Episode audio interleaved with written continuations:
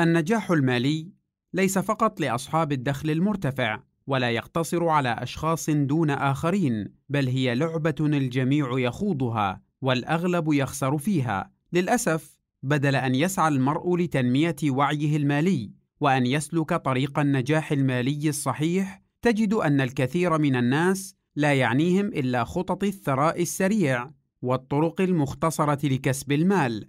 إن كنت لا تزال تصارع للحصول على الدخل الذي سينقلك إلى حال أفضل من الاستقرار المالي فأنت بلا شك تحتاج إلى تطوير ذلك الجزء من وعيك المتعلق بالمال. يعني أنك تحتاج إلى تنمية ثقافتك المالية. وفي هذا الفيديو سنطلعك على أهم ثلاث قواعد أساسية في الثقافة المالية بعد هذا الفاصل القصير. لا تنسى عزيزي المشترك أن تضغط على زر الإعجاب لدعم المحتوى الهادف. وإذا كنت غير مشترك بعد سيسرنا اشتراكك بالقناة. ولا تنسى تفعيل الجرس. ثلاث قواعد أساسية في الثقافة المالية. واحد فرق بين الأصول والخصوم. على بساطة هذه القاعدة تجد عموم الناس يجهلونها ولهذا يعانون ماليا ويسقطون فريسة الديون والإفلاس والفقر.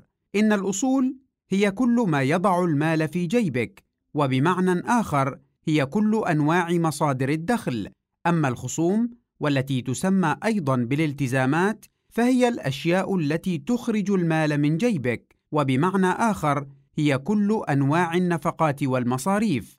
وهكذا فإن مقدار الثراء المالي يكون بقدر العوائد التي تحققها لك الأصول مقارنة بقدر المصاريف الناجمة عن الخصوم.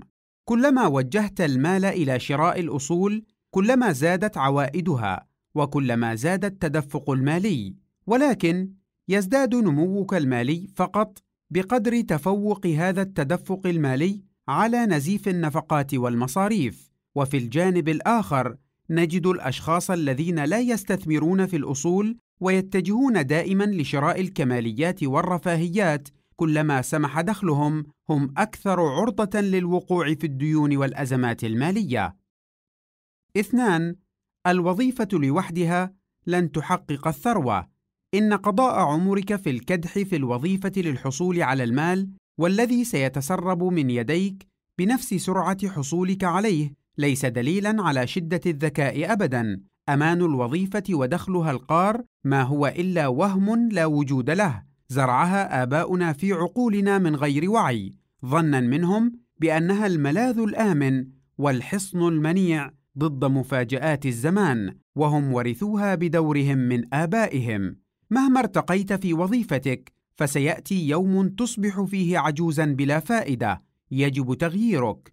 الوظيفة في الحقيقة هي ورقة التوت التي يستر بها الكسالى والفاشلون عورة عجزهم عن الكسب من مصادر الرزق الواسع، ولكنها يمكن أن تكون ذكاء إذا كانت مؤقتة ومرحلة انتقالية وبأهداف غير مالية كالخبرة مثلا، ثم تركها لشخص آخر يبدأ منها حياته لينطلق نحو أراضي الله الواسعة، بينما تسعى الأغلبية الساحقة إلى تسلق السلم الوظيفي. تحاول قلة قليلة امتلاك السلم كله. فإلى أي فئة تنتمي أنت؟ ثلاثة تعلم كيف تجعل المال يعمل لأجلك. الإشكالية المالية لدى عامة الناس هي أنهم يتعلمون المهارات التي تمكنهم فقط من العمل لأجل المال بينما لا يتعلمون كيف يجعلون المال يعمل لديهم.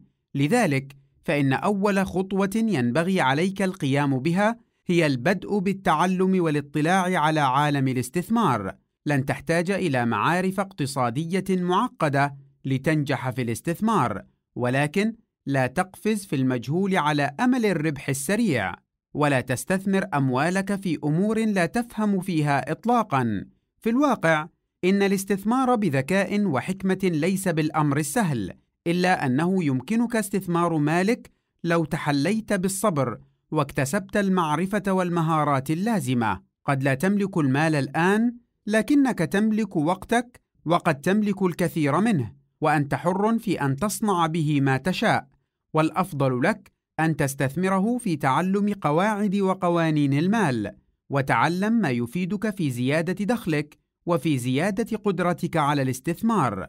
إن الطريق إلى الحرية المالية ليس سهلاً، فبمجرد أن تخطو أولى خطواتك على هذا الطريق، ستقابل عائقاً تلو عائق. يصاب الكثير من الناس بالإحباط ويستسلمون سريعاً، بينما يقاوم الآخرون لفترة ولكن دون نتائج، ثم يستسلمون بعدها. إن القلة المثابرة فقط هي التي يمكنها التقدم وتحقيق طموحاتها المالية. لا تدخل معترك الحياة خائفا من أن تفشل، بل ادخل معترك الحياة لكي تفوز. لا تنسى عزيزي المشترك أن تضغط على زر الإعجاب لدعم المحتوى الهادف. وإذا كنت غير مشترك بعد، سيسرنا اشتراكك بالقناة، ولا تنسى تفعيل الجرس.